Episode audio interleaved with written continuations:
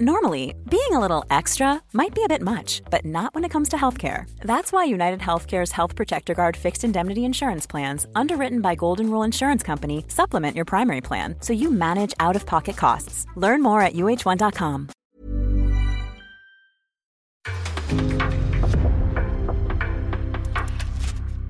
En podcast från Aftonbladet.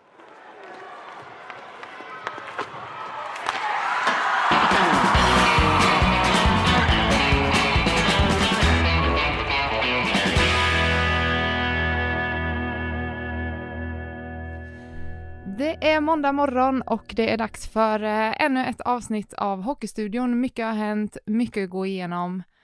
Mitt namn är Julia Karlsson, med mig i studion har jag Thomas Ros och med på telefon har jag Jonathan Nilsson, a.k.a. Gruvan. Jag vet inte riktigt vilket namn du vill att vi ska använda här egentligen. Ja, det, båda funkar men eh, jo, Jonathan går bra här. Fast det är ju sånt underbart smeknamn. Eh, vi är ju inne på 2022. Alla smeknamnen har ju liksom lite förintats och tagits bort och sådär men vet man älskade Rolf, Rolf liksom Edberg kallades för Råttan och sådär back in the days och vi har Masken och de här namnen men Gruvan är ju, är ju ett fem plus smeknamn. Var, var kommer det ifrån? Eh, ja, du har helt rätt det här med smeknamn faktiskt. Vi, vi kanske borde hålla fast vid de få som finns kvar. Nej, men det kommer väl helt enkelt för att jag arbetade uppe i gruvan innan jag blev journalist uppe i, i Malmberget. Värre än, konstigare än så är det inte. och då var det någon som fick nys om det och sen på den vägen är det. Nu är du gruvan. Ja. Vem var det som, eh, vem var det som sa gruvan första gången på redaktionen? Bra fråga. Inge, det låter som att Porma, Porma, Porma var ju gudomlig på att fånga upp sådana grejer. Jag vet inte om du hann jobba med honom. Nej, han inte jobba med honom så jag tror inte det var han faktiskt. Ja, säkert Juggas. Kan det inte vara Juggas då eller? Det är mycket möjligt. Ja, vi säger att det var Juggas.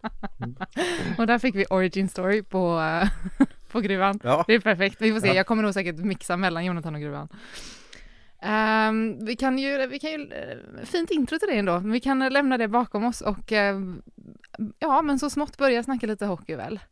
Um, jag tänker att vi börjar med att återkoppla från förra veckan. Nu var ingen av er med, men vi pratade ju väldigt, väldigt mycket om filmningar. Mm. Uh, och nu har det ju, den här veckan som har gått har det verkligen, uh, ja men exploderat kan man väl säga nästan. Um, anmälningar hit och dit, böter hit och dit. Fyra är vi uppe i, om inte jag har räknat fel. Fem är Hockeyallsvenskan tror jag. Ja, ah, fem Hockeyallsvenskan. Mm.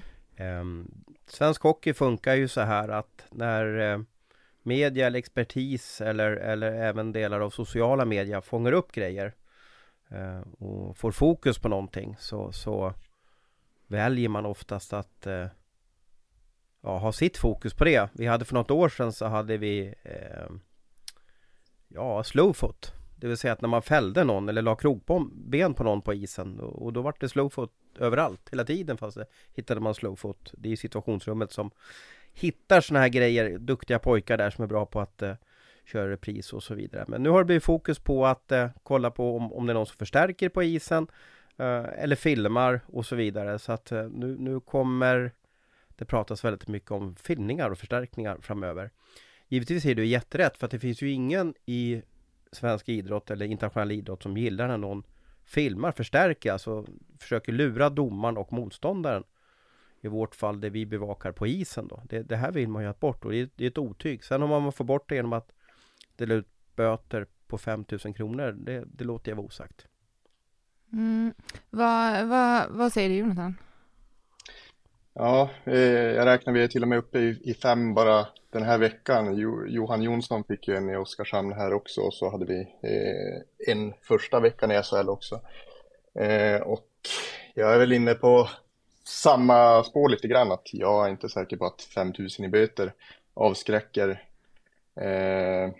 Samtidigt så har det här blivit så uppförstorat och det kommer ju en viss skam med att förknippas med filmning och, och bli dömd och det är ett fruktansvärt fokus på det nu också. Kanske kan det spela in också. Det, det beror lite på hur man hanterar det inne i laget också tror jag. Om, eh, om tränare och lagkamrater liksom eh, sätter ner foten och eh, säger till liksom internt att det här vill vi inte se i laget. Eh, sen får vi se om det skulle vara något lag som liksom vågar stänga av en spelare internt en match för ett beteende de inte tycker om. Men det återstår ju att se om, om det kommer hända. Jag tror att det är jättesvårt att avgöra i, i väldigt många fall. En del fall är väldigt lätt att avgöra, men i många fall att avgöra Förstärker hockeyspelaren eller förstärker han inte? Eh, jag har suttit och kollat på den här incidenten som var mellan HV och Oskarshamn här. Eh, och, och, mycket avgörs ju också liksom igen vad man håller på, vad man röstar på, vilket lag man gillar och inte, inte gillar.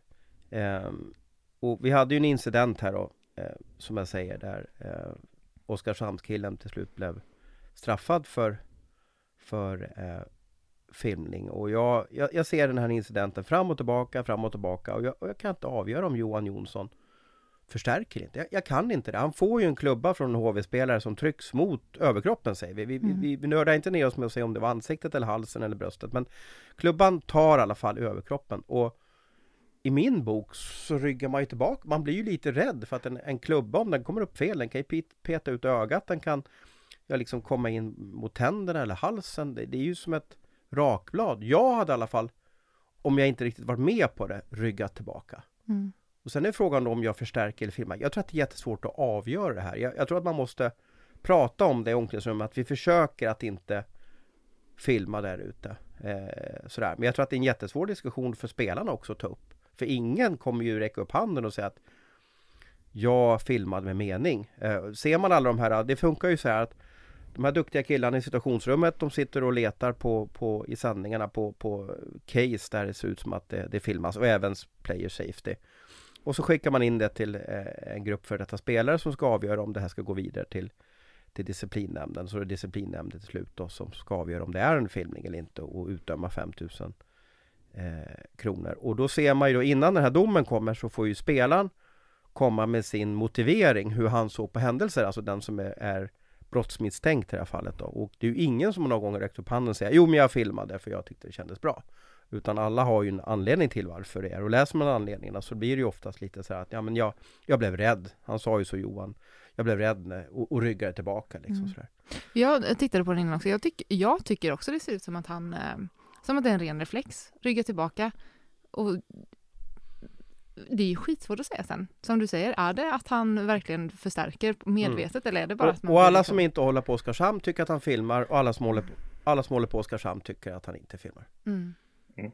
Ja, bra att du lyfter det faktiskt och nyanserar det lite för jag har också vevat den där sekvensen hur många gånger som helst och det är ju liksom en, ett reflexbeteende kan jag tänka mig många gånger. Alltså jag hade nog också ryggat tillbaka om man liksom får en, en klubba mot. Den tar nog inte heller upp i ansiktet men upp, upp mot där. Alltså det, och sen fortsätter han ju faktiskt spela sekunden efter det liksom. Det är inte så att han ligger kvar och, och tar sig för ansiktet eller, eller så. Så ja, ja det, det är ju väldigt svårt att säga om det är en förstärkning eller inte. Jag tror diskussioner i lagen i alla fall, att hur, hur man uppträder. Och om det finns någon som, jag menar, Brendan Shinnimin i Luleå är ju på något sätt har blivit affischnamn för filmningar i SHL och han var ju inblandad i en incident där det inte blev någon anmälan och så blev han varit in, inblandad i en incident där det, blev, där det blev böter och ja, en anmälan här. Och den första incidenten där när han liksom ramlar på isen då mm. Sitter man och kollar då så åker ju skridskon ner i isen och då, då, blir det ju ett stopp och när det blir ett stopp så, på isen så faller man ju framåt lite sådär klantigt eller så och då kan det ju se ut som att man filmar. Så att, ja, det här är jättesvårt men jag tror alla är överens om att vi vill ha bort det. Eh, sedan mm. är det också så att det är ju då spelarfacket då som, som har fått de här eh, Alltså spelarfacket där, där elitseriespelarna och hockeyallsvenska spelarna är engagerade. De har ju fått det här ja, förslaget. Hur kan vi göra det tuffare för de som förstärker eller filmar? Men de har ju sagt att de inte vill ha mer böter. Och, och det förstår jag också men det gör ju att man, inte, man har svårt att komma runt problemet för att dela ut 5000 i böter till någon som tjänar kanske 300 000 i månaden mm. och att laget inte drabbas. Det vill säga det är ju bara ja, att det blir lite billigare presenter till familjen till jul i stort sett. Det är det enda som sker när, när man delar ut 5000 till någon som är väldigt välavlönad. Så att det är ju inget, det är ju inget direkt tuff, tuff straff för killarna. Men tror du att eh, det skulle finnas ett mer kollektivt straff? Är det det du tänker då? Alltså lagmässigt? Liksom. Ja men blir, blir spelaren avstängd en match, mm. då drabbas ju laget. Mm. Och då händer någonting i gruppen i omklädningsrummet. För då har man ju gjort någonting som polarna drabbas av. Det är ungefär mm. som man låg i lumpen. Så var det alltid någon som, som sa så här att eh, Ja men jag har lite ont i ryggen idag Så jag kan nog inte bära min ryggsäck Men vad hände då? Ja då fick ju en kamrat eh, Någon i gruppen, plutonen, bära ryggsäcken Och då vart ju, då vart ju han förbannad på den här killen som man tyckte filmade, ja typ Som inte orkar bära sin ryggsäck för att han åberopade ryggproblem mm. Då drabbas ju gruppen Nästa gång, nästa dag, ja men då bar ju han sin ryggsäck, det kan jag lova eh, vad, vad hade du förespråkat för eh, straff, Jonathan? Ja, men jag kan också vara inne på eh, avstängning. Eh, och en match låter kanske rimligt. Jag har sett att det har pratats om eh, tre matcher första gången, sex matcher andra gången. Så, så himla många matcher och så långt tycker jag inte man ska gå heller i och med att det, nästan varenda situation kan man argumentera för eller emot var det en förstärkning eller inte. Det, det måste ändå vara lite proportionerligt tycker jag. Vi kan eh, ta oss vidare från filmningsdiskussionen tror jag kanske. Mm. ja, det... men jag, jag, vill bara avrunda att jag kan tycka också att det blir lite sådär Okej, okay, det var slowfoot för några år sedan och nu är det filmning och så vidare. Ja, vad, vad blir nästa grej? Alltså, hänger du med? Alltså, ja. Jag skulle önska att det var, fanns lite nyanser i hela, för nu, nu kommer Varenda en som sitter och kollar kommer kolla eller reta upp sig på om man upplever att någon förstärker på isen. Och det blir ganska tröttsamt om vi i, i 20 avsnitt framöver bara kommer prata om filmningar. Mm. Alltså det, det blir lite lite för polariserat kanske, att det är svart eller vitt. Ja, kanske som det. Det är dock en ganska spännande fråga fortfarande. Det är en fråga som fascinerar mig enormt. Ja. För att om vi vrider tillbaka klockan eh, 30 år, eh, alltså den generationen som var, ja, som börjar bli eh, runt 60 år då. Om, no, om någon då, de, om de upplevde att någon filmade på isen, låg kvar länge och sånt där, då tog ju gruppen hand om det stenhårt. Det var ju en annan kultur och miljö då, men man, man hatade ju filmningar förr i tiden. Det fanns ju inget värre. Den kulturen och den arbetsmiljön tror jag har lite förändrats. Jag tror att man behöver tillbaka Sen var inte allt bättre förr, det vill jag inte säga. Och det fanns mycket knepigare konstigt i strukturer och, och, grupper och så vidare. Men kanske att gruppen kan vara lite hårdare om man märker att det är någon som ja, förstärker lite eller sådär. Den, den, så tror jag att vi får bukt på problemet. Vi går vidare. Jag har ju, jag bollade upp lite innan. Ni får egentligen, jag tänker att ni kan få välja vad vi går vidare på. Antingen går vi in lite på de sportsliga delarna här. Eh, eller så pratar vi om SDHL-gate som hände i förra veckan. Ja men kör SDHL då. Ja. Kan du ge en liten kort resumé om man sitter och lyssnar på det här och inte riktigt fattar vad du pratar om? Ja, men vi hade ju i, ett, rätta mig om jag har fel nu, men i tisdags förra veckan så hade vi ju två stycken damspelare i eh, Brynäs som ställde sig i, på herrmatchen mellan Brynäs och Örebro, ställde sig i Örebro-klacken och hejade på Örebro. De är från Örebro, men de spelar numera i Brynäs, mm. eh, men ställde sig med sitt gamla lag och också pekade finger mot Brynäs-supportrarna om jag inte minns Exakt, och de är 16 och 17 år gamla. Eh, jag tycker att det här var kanske, eh, jag tyckte att det var jätteintressant, eh, om man säger så väldigt underligt, väldigt intressant. Jag är jättenyfiken på att höra vad ni tänker kring det. Eh, vill du börja Gruvan kanske? Ja, vi var ju många som reagerade på det och eh, man blev först förvånad. Kan, kan det här eh, stämma liksom? och det är givetvis inte okej okay, och jag tycker ändå att Brynäs agerade rätt här. De, dels, det var ju en av dem som pekade finger som blev avstängd då i fyra veckor och den andra fick två veckors avstängning och eh, eh såklart blev tonen hetsk på sociala medier och det är många som inte vill se dem i klubben mer och det blir ju det är upp till dem att vinna tillbaka supportrarnas förtroende om, om det går. Men eh, man får ändå betänka, ta i beaktning deras ålder och eh, vad jag har förstått det så ångrar de ju sig eh, något eh, ofantligt efter det här. Och man får väl ta lärdom av saker man gör, dumma saker man gör i ungdomen tänker jag. Det var nog ett svårt eh, Det var ett svårt ärende för Brynäs att hantera, jag säga. Mm. Alltså ett, ett, speciellt personalärende där man har eh, Hade tjejerna inte fastnat på Simors kamera så hade ingen märkt det, ingen hade funderat på det här. Men de fastnade på Simors kamera. Någon såg sändningen och var duktig på att identifiera de här tjejerna. De är ju inte, de är inte stjärnor i SDHL utan de går väl typ första året på hockeygymnasiet. Mm. Uh, och så. Uh, olyckliga omständigheter. Jag hoppas Jag tycker också Brynäs gjorde det bra. Alltså de var inte stenhårda eller eller, eller mördiska i sitt beteende utan de, de värnade ju om tjejerna också. Jag hoppas att tjejerna spelar hockey orkar bo kvar i Gävle. Det är enda, jag, det enda jag tänker. För jag tror att de Gävle är en hockeytokig stad. Uh, deras namn sprids överallt.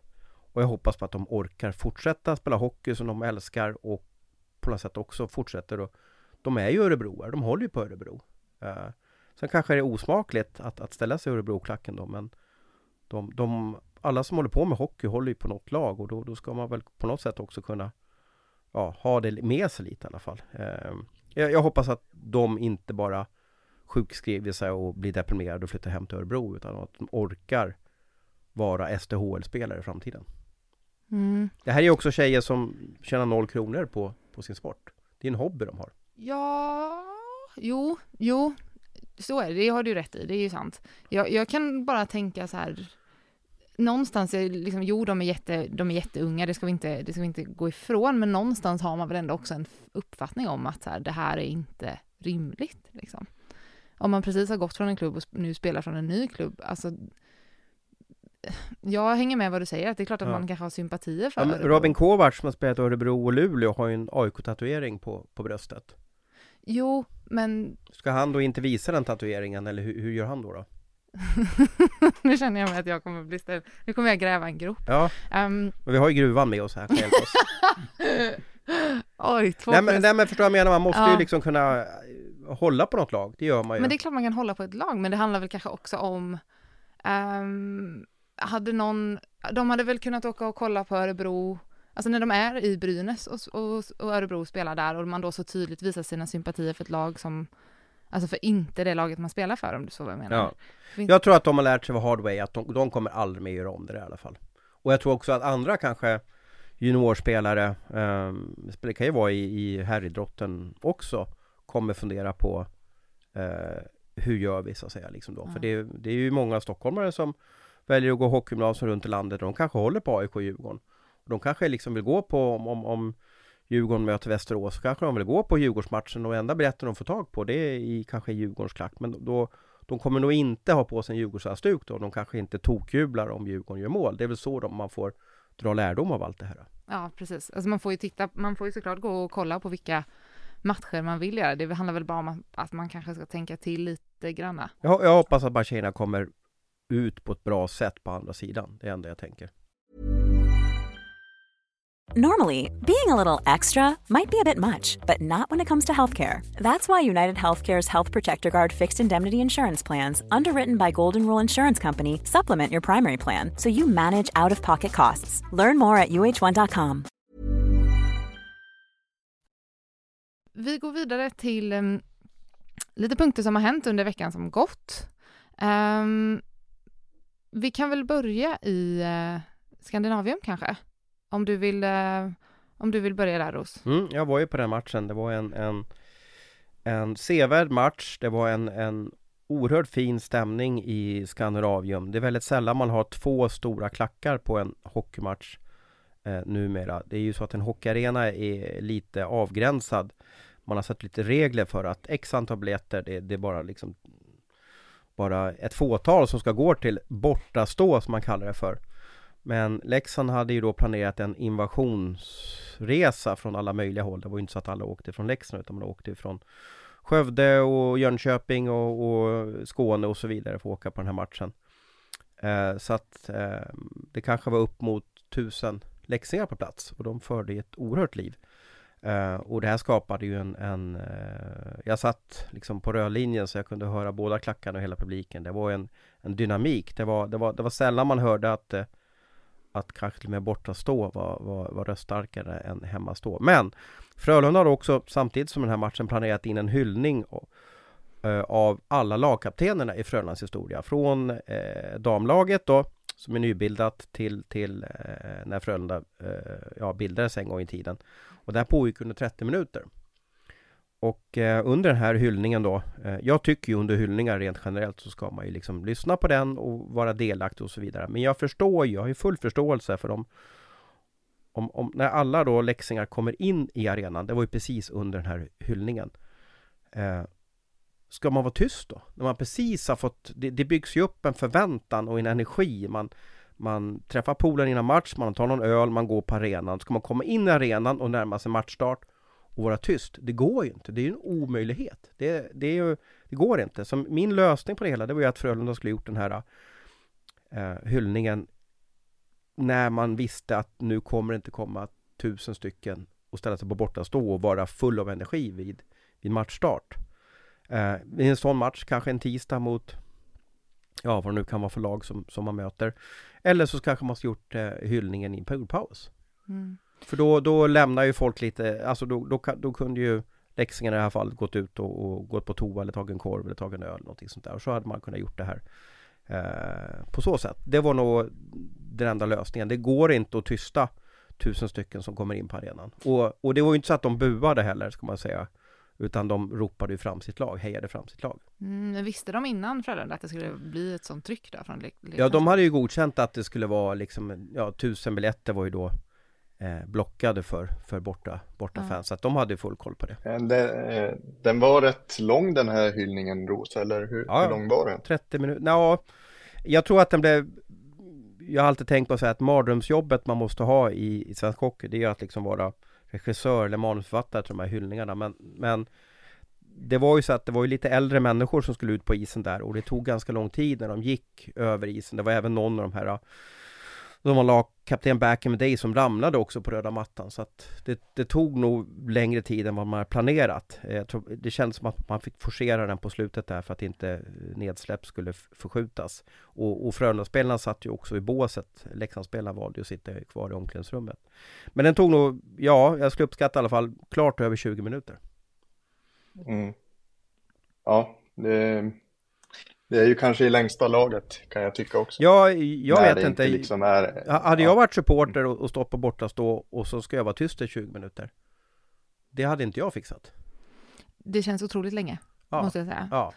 Det känns dock som att vi har, eller vi, du har ju varit ganska hård mot hyllningar hittills i, uh, under Ja, det, det är ett jättesvårt Alltså att vara, göra det här snyggt är ju jättesvårt ja. Men vet du vad det är roliga i kråksången, om det finns några roliga? Eh, för, det, för det vart ju nämligen så här att alla som håller på Leksand tyckte att det här var helt okej okay, att, att man måste få ropa fram sitt lag även fast det är en hyllning Och alla som inte håller på Leksand tycker att de är bönder och idioter som sabbade Frölundas hyllning till de här eh, Ja, legendarerna Så det blir ju också en vattendelare Men Eh, Leksand ska ju hylla och hedra Mattias Rittola som har valt att avsluta sin karriär här eh, till den här säsongen i november. Vet du vilket lag man möter då?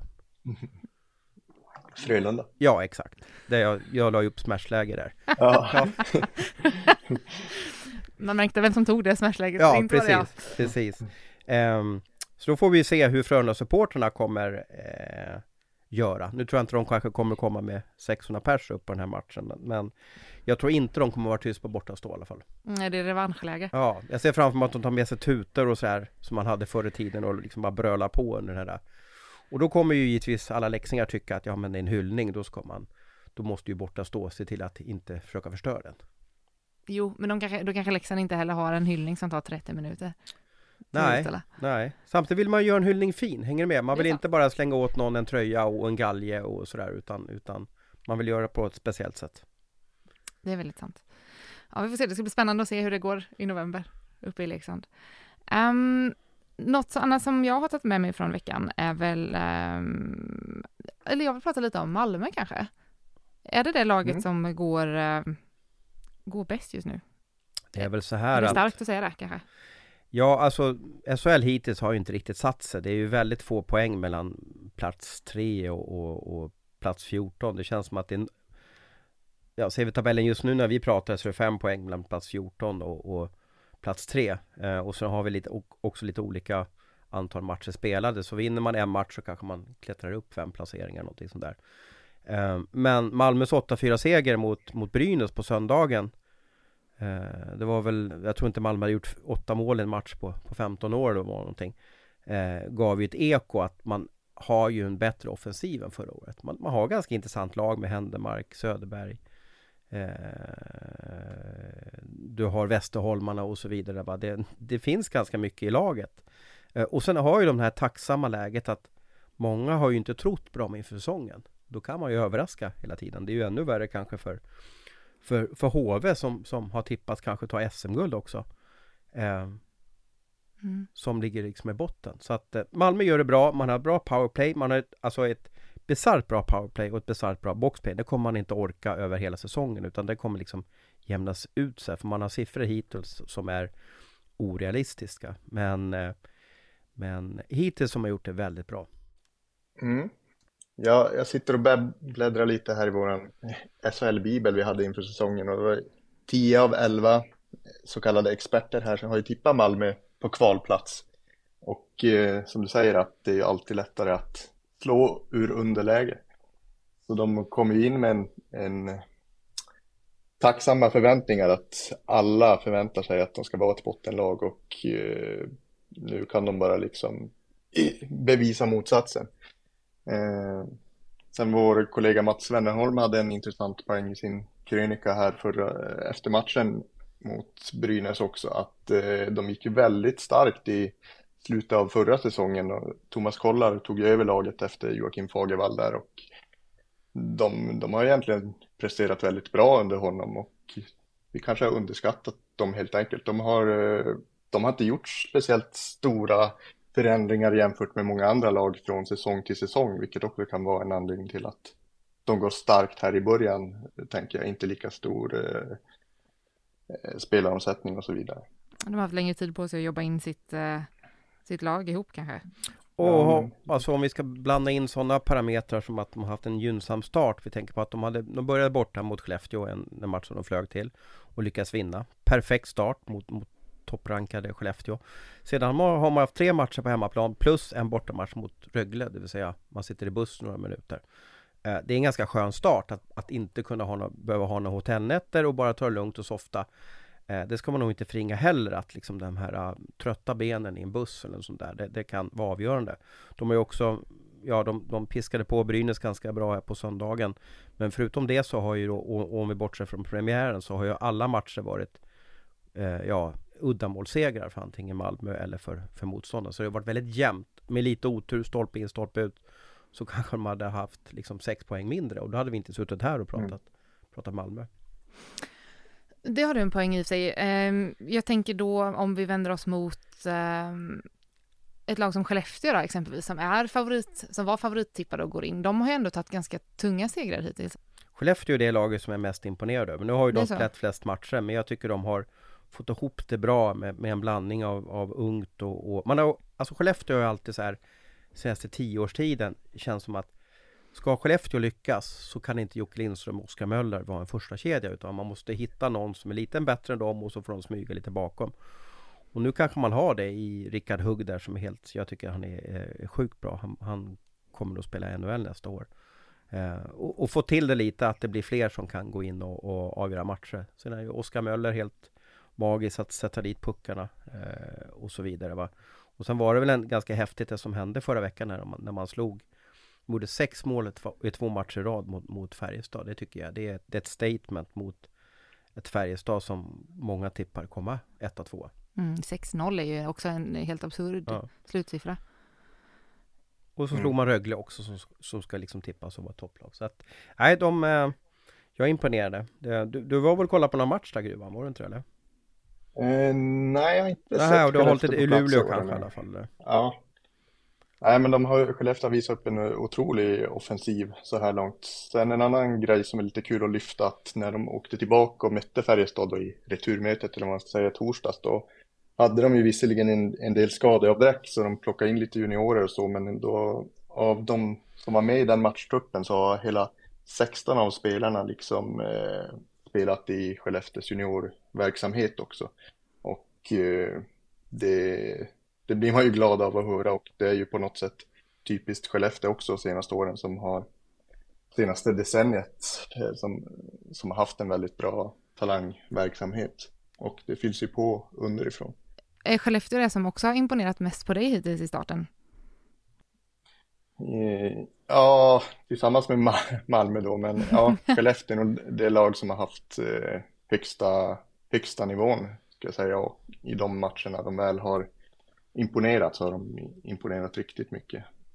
Men om vi går från toppen till botten då? Jag tänker så, jo, jo, det är så här, vi är fortfarande i början och det har inte hänt så himla mycket, men det är ju ändå, fan går det dåligt länge i början så påverkar det ändå ganska mycket. Jag tänker eh, både på HV, Brynäs och egentligen lite Frölunda också. Vad tror ni där? Ja, HV är ju, um, ja, nygamla i SHL får man ju säga.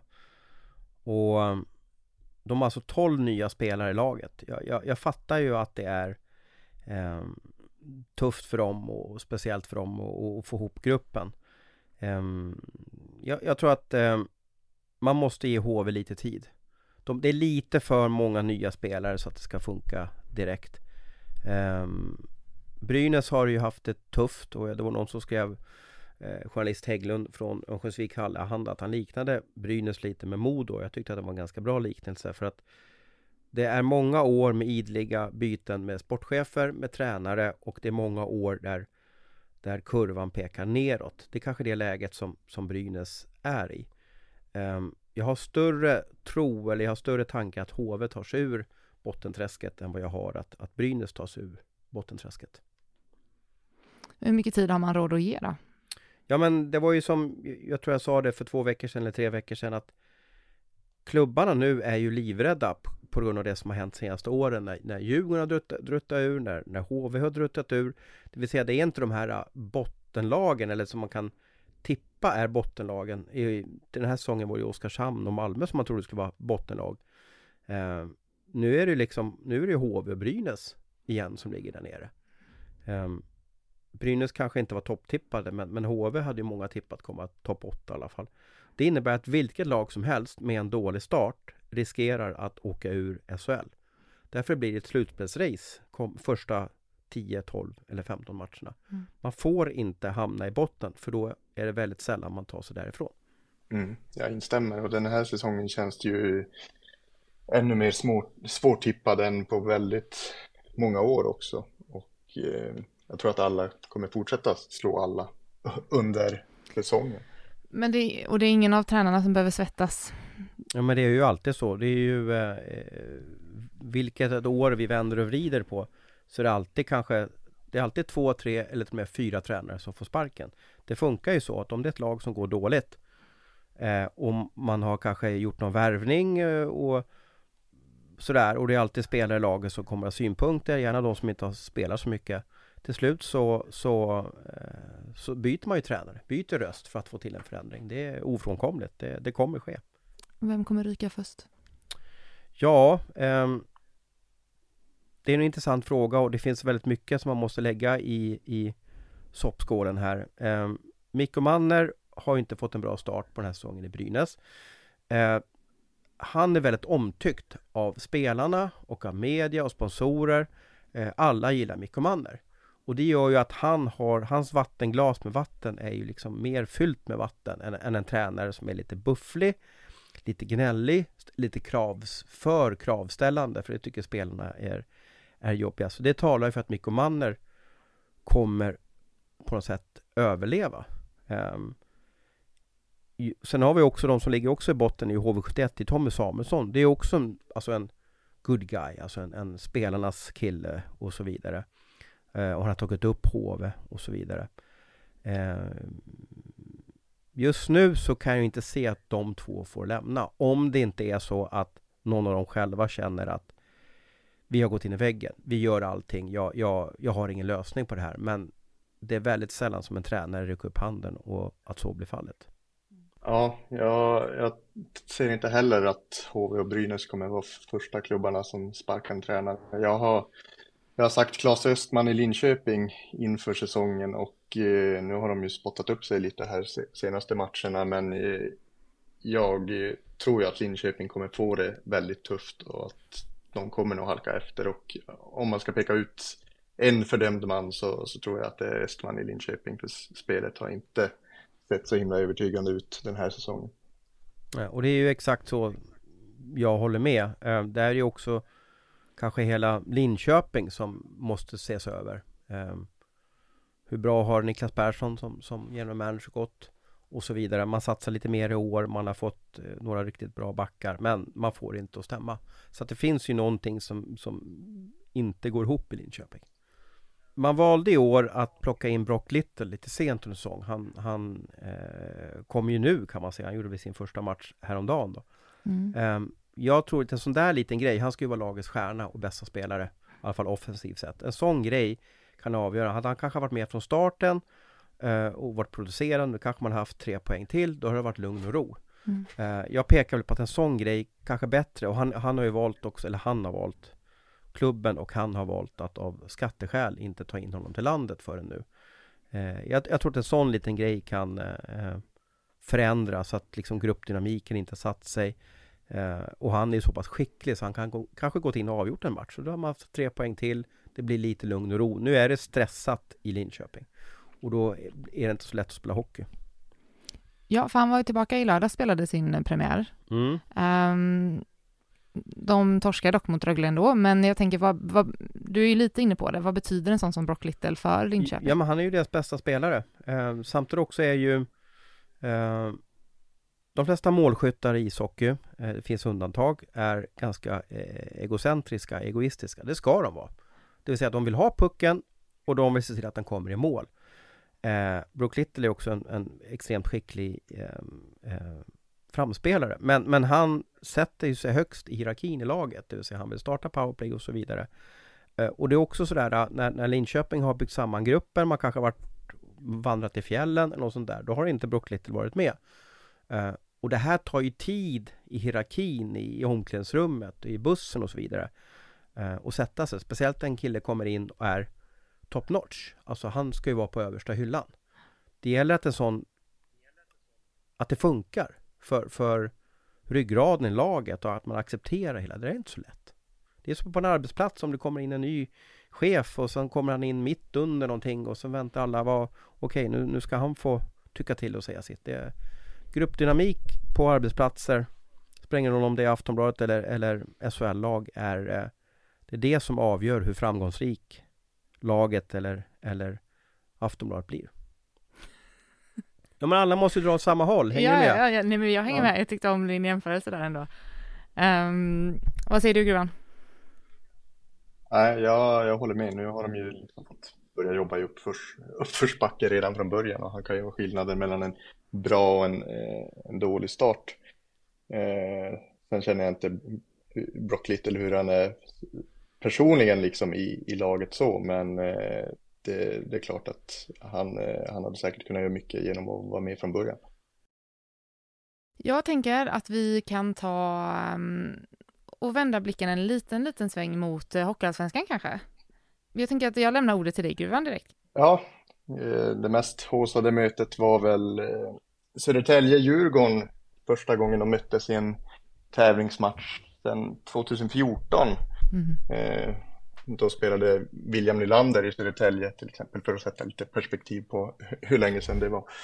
Eh, och det var fullsatt, eh, ett jäkla drag och Linus Widell som nu som lämnade Djurgården under uppmärksammade former förra säsongen ställdes mot sina gamla lagkamrater och jag tyckte det var fascinerande att se hur han tog sig emot eh, av eh, sina gamla lagkamrater eh, under matchen. Det var Daniel Rodin satte tonen direkt liksom i första tekningen så körde han ner Widell i isen redan och sen räknade jag till att han fick en handfull tacklingar redan i första perioden. Så det var ju tydligt att Djurgården verkligen ville markera och försöka få honom ur balans. Även om Marcus Kruger efteråt sa att nej, nej, absolut inte något vi har pratat om innan och jag tycker inte han togs hårdare än, än någon annan. Eh, och sen blev det en väldigt un underhållande match också, där Djurgården vann till slut. Men eh, ja, det var väl omgångens grej i Hockeyallsvenskan. Jag tycker att hela Hockeyallsvenskan har fått en, en helt perfekt start. Eh, det har varit hur mycket publik på matcherna som helst. Det har varit, det var roliga matcher. Eh, eh, jag sträckkollade på den här matchen och tyckte att den, den var, hade allting som jag ville ha. Det var fredag kväll. Det var igen det jag pratade om i Skandinavien, två stora klackar Det var hur mycket Djurgården som helst och det här är ju sån alla, för alla som var med på 80-talet kanske främst då att när, när Djurgården mötte Södertälje borta Det var, det var en av de roligaste hockeymatcherna som fanns för att alla Djurgårdare eller många Djurgårdare tog pendeln ner till Södertälje station och, och, gick eller, eller tog bussen till, till ja, Scania-rinken och det var alltid en grym stämning och på den tiden så var faktiskt klackarnas, både Södertälje och Djurgårdens klackar var på samma sida. Det har varit otänkbart idag. Men, men den irritationen som var när de här stora klackarna stod bredvid varandra eh, gav ju också en ytterligare dimension till, till hela matchen. Um, det är jättebra för Hockeyallsvenskan när ett så kallat storlag som HV71, Leksand eller Djurgården är nere i den där serien. För det, det skapar sånt intresse och sånt hype runt den hela. Så att det, jag, jag kommer följa Hockeyallsvenskan med, med stor noggrannhet hela säsongen. Mm. Det är ju väldigt spännande, men jag frågar mig återigen, jag är så tråkig, men liksom så här, hur länge kommer det hålla i sig, hypen? Liksom? Ja, men jag tror bara Djurgården förlorar någon mer match. Man förlorade ju hemma mm, förra veckan här. Mm. Eh, då blir det jättekul, för då fnissar alla som inte håller på Djurgården. Då blir det jättebra. Sen är det ju säsongens match, eller decenniets match, när, när Djurgården kommer till Östersund eller Djurgården kommer till till Västervik och vi har ju också fyra stycken derbyn på Avicii Arena här framöver med Djurgården AIK som när den matchen spelas då kommer alla hockeyögon i Sverige riktas mot den matchen. Det, det, mm. det spelar ingen roll vilka SHL-matcher vi har då för det Stockholmsderbyn och hockeyn. Det har inte varit så många de senaste 20 åren. Nej, jag tycker det är så himla tråkigt att de ligger, det ligger två stycken i mellandagarna tror jag. Om jag inte ja, fast det är roliga hockeydagar kan jag säga. Jo, men det är jättekul, ja. men inte men när du man... menar att man vill dela, sära men jag på hade, lite? Jag hade ja. velat gå på matcherna och så är man borta i, i Småland liksom. Ja. Jag får väl i sig, jag kan ju ta mig hit tillbaka, ja. det är inte så. Men, men, men du ska veta att, att mellan jul och nyår är kanske de bästa hockeydagarna eh, på hela säsongen. För det är många som är lediga då och det är många, då har det varit julafton, man har umgåtts med familjerna, man har käkat mycket mat. Då är man oerhört sugen att gå på, på hockey med, med, med, med familjen eller med, med grabbarna eller någonting sånt där. Det, det är absolut de dagarna där det är fullsatt nästan överallt. Ja, och jag fattar ju det. Det, var, jag, jag blev det blir som hem, hemvändargrej liksom sådär. ja men kom upp hit och, och, och, ta med dig pojkvännen och, och, gå på matchen. Så då får han uppleva en match som är kanske den bästa stämningen som finns i, i Hockeysverige. Vi hade faktiskt planerat att gå på den ja. nu andra november, men jag eh, kan inte dra. I alla fall, vi behöver inte gå in på det. Um, vad säger du Gruvan, skulle du tillägga någonting där om uh, matchen? Eh, AIK-Djurgården tänker du? Ja, eller Södertälje, om det var något mer. Jag tänkte på det här med att de eldade flagga, tyckte jag var ganska kul. Ja, kul, absolut. Ja, det var ju tråkiga scener faktiskt när, när bortaklacken brände, brände en flagga och det blev lite stökigt. Spelet pausades ju inte och spelarna själva sa sig inte märka vad, vad som hände. Men det, sånt, sånt vill man ju inte ha, det, det får de lägga av med. Jag fattar ju inte hur, hur 2022, hur man får in de där bengalerna på arenan. Eh, vet du hur det går till? Eh, Jonathan, eller? Nej, jag har aldrig smugglat in en, en bengal men För det var ju en sån här högsäkerhetsmatch och alla blev muddrade och så vidare Har du aldrig smugglat in en bengal, Guran? Va? Erkännandet oh, nej. nej men eh, hur, hur noga hinner man visitera var, varenda ja, De kanske är ganska små men mina tankar flyger väl iväg var, var man ja, stoppar någonstans och så vidare va? Men, men Ja, jag tycker det är konstigt att man inte kan, även kan, kan göra någon De går ju nästan, det är nästan som flygplatssäkerhet ibland Kan jag tycka på vissa matcher. Men av någon, någon anledning så känns det som att de här bengalerna alltid kommer in. Sen får vi avgöra också och det, och det, får någon annan göra som är klokare och smartare än vad jag är Hur farligt en bengal är. Eh, Jag kan tycka om det är utomhus är en sak Inomhus när det är fullsatt på en ståplats och det blir den här röken Det, det ska vi nog vara väldigt försiktiga med framöver. Mm. Jag tänkte att vi ska börja eh, runda av om det inte är så att någon av er har någon punkt som jag har missat att ta med. Ja men du hade ju en ny punkt som jag varit så nyfiken på. Jo men den kommer. Ja den kommer? Men jag tänkte, den avslutar vi med tänker Aha, jag. ja okej. Okay. Jag vill bara säga nu att, att alla som gillar silly season och, och nyförvärv och förändringar i på spelartruppen, eller i spelartruppen i Hockeyallsvenskan i OSL så kommer det hända saker nu. Det har varit ganska dött hittills. Uh. Men nu kommer, nu börjar NHL-lagen sätta sina rosters och spelare kommer upp på waiver, spelare väljer att bryta kontrakt, spelare, spelare väljer, väljer att Ja men nu har jag testat här i fem år i Nordamerika så att nu riktar jag ögonen mot eh, Europa. Så att nu har vi, vi har gått från att liksom käka ja, vatten och bröd till att få en, en härlig buffé med lediga hockeyspelare. Så att gillar man silly framöver så håller hatten, nu, nu kommer det hända grejer. Du måste ha någonting som du kan locka med då också samtidigt. Har du inte någon I min bok det skulle bli väldigt intressant att se hur spelare som Alexander Nylander, Oskar Dansk, eh, Emil Heinemann, Linus Karlsson, hur de resonerar, hur de gör. Uh, även Max Verno och så vidare. Spelare som inte tar plats i NHL uh, men är olika skeden av sin hockeykarriär hur de resonerar. Det, det ska bli intressant att se. Ja, nej, men det blir ju hyperintressant att se nu vilka... Ja. Jesper Fredén. Ja, precis. Skellefteå skulle behöva en målskytt. Mm. Det blir en intressant vecka. Det måste ju sätta sig lite här också vad, vad som sker. Och det här är ju också att när man kommer upp på waiver Man ska inte tro bara för att man kommer upp på det som heter waiver. Och waiver är på något sätt ett filter mellan NHL-klubben när, när NHL-klubben väljer att nu, just nu får inte du plats i vårt representationslag och då måste vi skicka upp dig, det är massa regler också för waiver, ålder, eh, antal år och så vidare. Um, och då kan man ha möjlighet att skicka ner den till far sitt farmarlag. Men när man är uppe på waiver har andra NHL-klubbar möjlighet och chans att bjuda hem spelaren, eller buda hem spelaren, värva spelaren och så vidare. Så det är på något sätt en, en man kommer upp på blocket för hockeyspelare, kan man säga så? Att man mm. kan bli köpt av, av andra lag. Eh, men det är bara för att man är uppe på waiver så är det inte så att då kommer man hem till SHL utan där får man ju kika på varje spelares kontraktssituation. Hur mycket tjänar han i farmarlaget? Om vi går in på en sån som Max Verno så är han garanterad Han tjänar mycket, mycket mer om han spelar NHL men spelar han i farmarlaget så är han garanterad 400 000 dollar. Och med dagens dollarvärde om vi ser till kronor så är det mycket, mycket mer än vad han kommer tjäna om han väljer SHL. Så det måste man också kika på varje spelare. Vad, vad är anledningen till att de ska välja SHL före AHL? Och där får man ju nörda ner sig i, i som sagt varje kontrakt. Mm. Med det så är det dags då för sista punkten. Det är det, eh, något som jag döpt till veckans snyggaste och veckans fulaste. Uh, jag vet inte om någon av er ens hann tänka på det innan vi började. Jo, jag tänkte ju sådär, vad, vad, vad menar hon nu? Vad fan menar jag? Ja, precis. Har hon, har hon rökt på eller vad händer? Nej men, det är väl världens rimligaste frågeställning. Vad var veckans snyggaste och vad var veckans fulaste liksom? Ja. Alltså vad var är det ett mål? Är det en uh, jätteklin tackling? Jag vet inte vad Ja men då, då får man säga vad som helst. Ni får säga exakt vad ni vill. Ja. Och sen vad var veckans fulaste? Ja, och jag börjar ju då eh, Jag vill ju vara positiv här så att jag väljer Så du tar ton direkt här nu? Precis ja, ja gruvan, du får Är det okej okay för gruvan eller? Mm. Ja, jag har en bubblare till veckans snyggaste, men kör du. Vad bra. Nej, men jag, jag, jag, jag var i Skandinavium i lördags och jag, och jag kan det är sällan som man, man har sett lite för mycket hockey. Det är sällan som man går igång, man studsar till. Uh, och sådär. Men jag tror ungefär i mitten av matchen så, så levererade Anthony Greco. Uh, är det någon som tar för övrigt vilken plats han är var han är född någonstans så bjuder jag på lunch idag. Är det någon som tar det på uppstuds? Eh, Eh, Queens i ja. New York. Ja men härligt. Ja. Det är lunch på dig. Hur tog du den?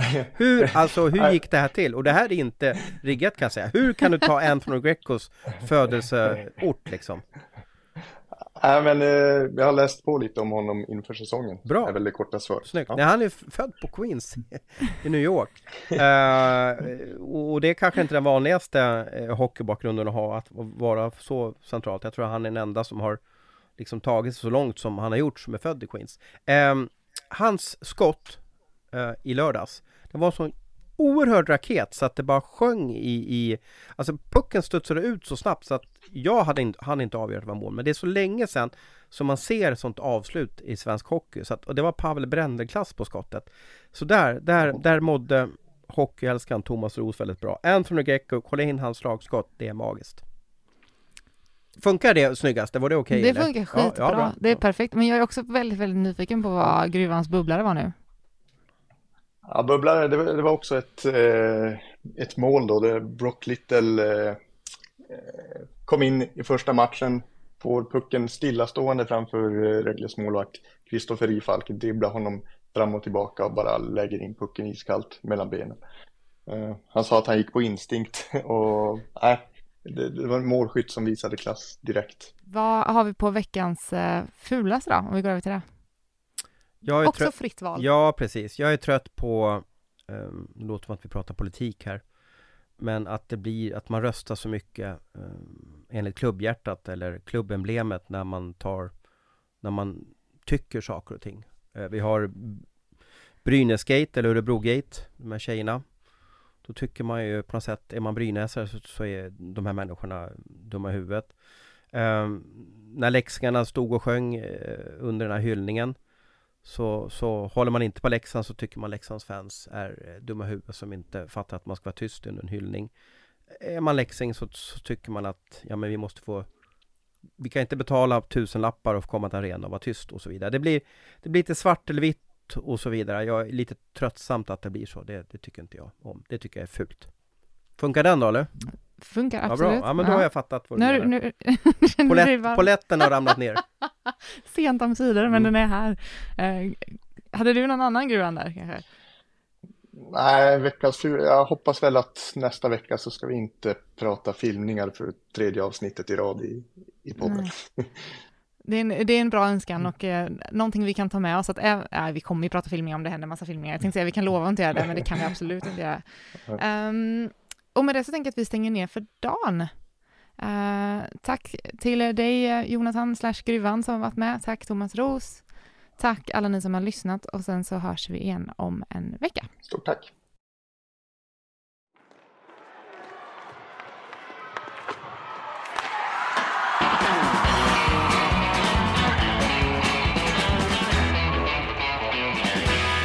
Du har lyssnat på en podcast från Aftonbladet.